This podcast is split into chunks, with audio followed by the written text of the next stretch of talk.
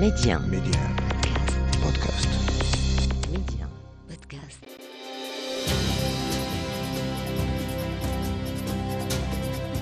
تحقق الحلم أخيرا فما أجمل هذه اللحظة أعادتني سنوات خلت إلى الوراء عانقت فيها كما كل المغاربة حلما طالما طاردناه وها هو يتحقق أخيرا هذا الحلم عندما بدأ لا يعرفه هذا الجيل لكن نحن والجيل الذي سبقنا عشناه قبل نحو خمسة وثلاثين عاما. كان ذلك في العام 1988 وراودنا باستمرار وتمسكنا به رغم العراقيل.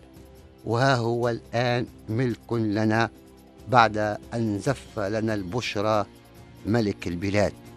ففي لحظة تاريخية للرياضة المغربية زف الملك محمد السادس بفرحة كبيرة للشعب المغربي خبر اعتماد مجلس الاتحاد الدولي لكرة القدم الفيفا بالإجماع لملف المغرب إسبانيا البرتغال كترشيح وحيد لتنظيم كأس العالم 2030 وجاء في بلاغ للديوان الملكي أن هذا القرار يمثل إشادة واعترافا بالمكانة الخاصة التي يحظى بها المغرب بين الأمم الكبرى. السادسة كانت ثابتة. وكسب المغرب الرهان الذي ظل يطارده منذ أكثر من ثلاثة عقود. البداية كانت في العام 1988 بدأ الحلم مع الراحل الحسن الثاني الذي أراد استثمار حالة الانتشاء التي عمت البلاد عقب الظهور المشرف للمنتخب الوطني لكرة القدم في مونديال المكسيك 1986 كان أول منتخب عربي وأفريقي يتأهل إلى الدور الثاني في نهائيات كأس العالم.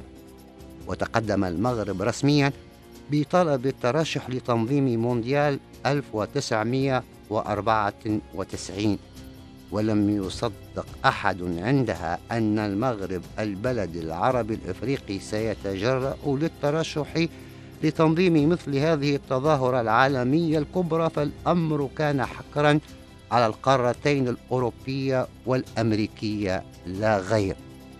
وتحدث الرئيس السابق للاتحاد الدولي لكرة القدم الفيفا جواو هافيلانج في وقت لاحق عما أثاره ترشيح المغرب وقال استغرب رؤساء اتحادات محلية طلب المغرب وقالوا لي هل ما سمعناه عن ترشح المغرب لاحتضان المونديال؟ كلام جاد. كان جوابي واضحا كأس العالم حلم مشروع للجميع. الرئيس السابق للاتحاد الدولي لكرة القدم جوزيف بلاتر اللي خلف البرازيلي الشهير جواو هافيلانج في هذا المنصب قال في حوار أجرته معه يومية لوموند الباريسية أن لقاء هافيلانج بالحسن الثاني جعله يقتنع أن ملك المغرب حريص على التنافس مع الكبار من أجل انتزاع شرف تنظيم المونديال لبلده. وأضاف جوزيف بلاتر في الحوار نفسه لم يكن هناك إلا ملعبان يحتاجان إلى ترميمات ضخمة مع نقص حاد في البنيات التحتية التي تحتاجها مثل هذه التظاهرات إلا أن عقيدة الملك الراحل الحسن الثاني حينها كانت تذهب إلى أن المغرب قادر على رفع هذا الرهان الضخم. لقد قال لي بالحرف امنحونا التنظيم وسنتدبر التمويل اللازم لنكون جاهزين في الموعد. ولم يكن المغرب يوما أقرب إلى تنظيم المونديال من تلك المحاولة الأولى. فأمام ضعف الملف البرازيلي لم يكن هناك سوى منافس وحيد رئيسي هو الولايات المتحدة بعد أن سحبت الشيلي ترشيحها قبل عملية التصويت التي عشتها مباشرة في زيوريخ السويسرية ونقلناها على أمواج إذاعتنا ميدي آن في يوم لا ينسى الرابع من يوليوز 1988 وكان البث مباشر قبل وبعد وأثناء التصويت. وكان كثير من الأعضاء في اللجنة التنفيذية للفيفا التي تضم 19 عضوا غير متحمسين لمنح شرف التنظيم إلى دولة تأتي فيها كرة القدم في مؤخرة الرياضات الشعبية أي الولايات المتحدة بعد البيسبول وكرة السلة وكرة القدم الأمريكية وألعاب القوى.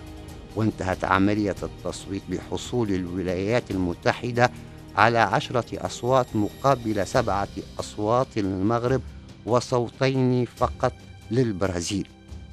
ولم تتوقف المحاولات بعد ذلك وفي سباق التنظيم مونديال 1998 وضعت المملكة ملف ترشيحها في يناير 1991 إلى جانب فرنسا وإنجلترا وسويسرا والبرازيل والشيلي والبرتغال ثم الهند وانسحبت خمس دول من المنافسة وبقي المغرب في مواجهة مباشرة مع فرنسا وسويسرا التي تم سحب ملفها لعدم استجابته لمجموعة من المعايير التي وضعتها الفيفا.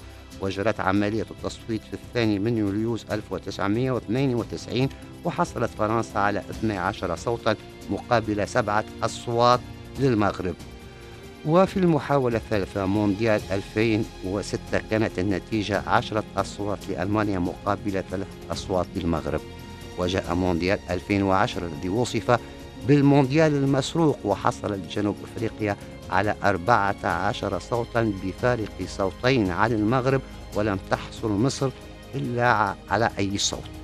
وكانت الفيفا أعلنت أن القارة الإفريقية هي التي ستنظم كأس العالم للمرة الأولى في التاريخ وكان من الطبيعي أن يضع المغرب ترشيحه للمرة الرابعة وتقدم بملف أقوى من المرات السابقة إلى جانب جنوب أفريقيا التي خسرت تنظيم كأس العالم 2006 بفارق صوت واحد. كما تقدمت مصر بملف ترشيحها إلى جانب ملف مشترك بين تونس وليبيا. انسحبت تونس وليبيا من السباق وبدت حظوظ الملف المصري ضئيلة جدا ليدخل المغرب في مواجهة مباشرة مع جنوب أفريقيا التي كانت مدعومة بشكل صريح من جوزيف بلاتر رئيس الاتحاد الدولي لكرة القدم.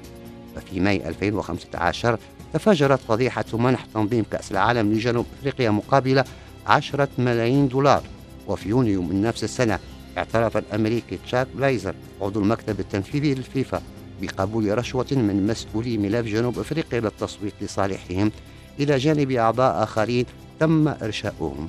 ونشرت صحيفة دايلي تيليغراف البريطانية في وقت لاحق تحقيقا كشف أن المغرب فاز بتنظيم مونديال 2010 وأن الفيفا تلاعبت بالنتيجة ومنحت التنظيم لجنوب أفريقيا بأوامر من جوزيف بلاتر. وإلى لقاء قادم.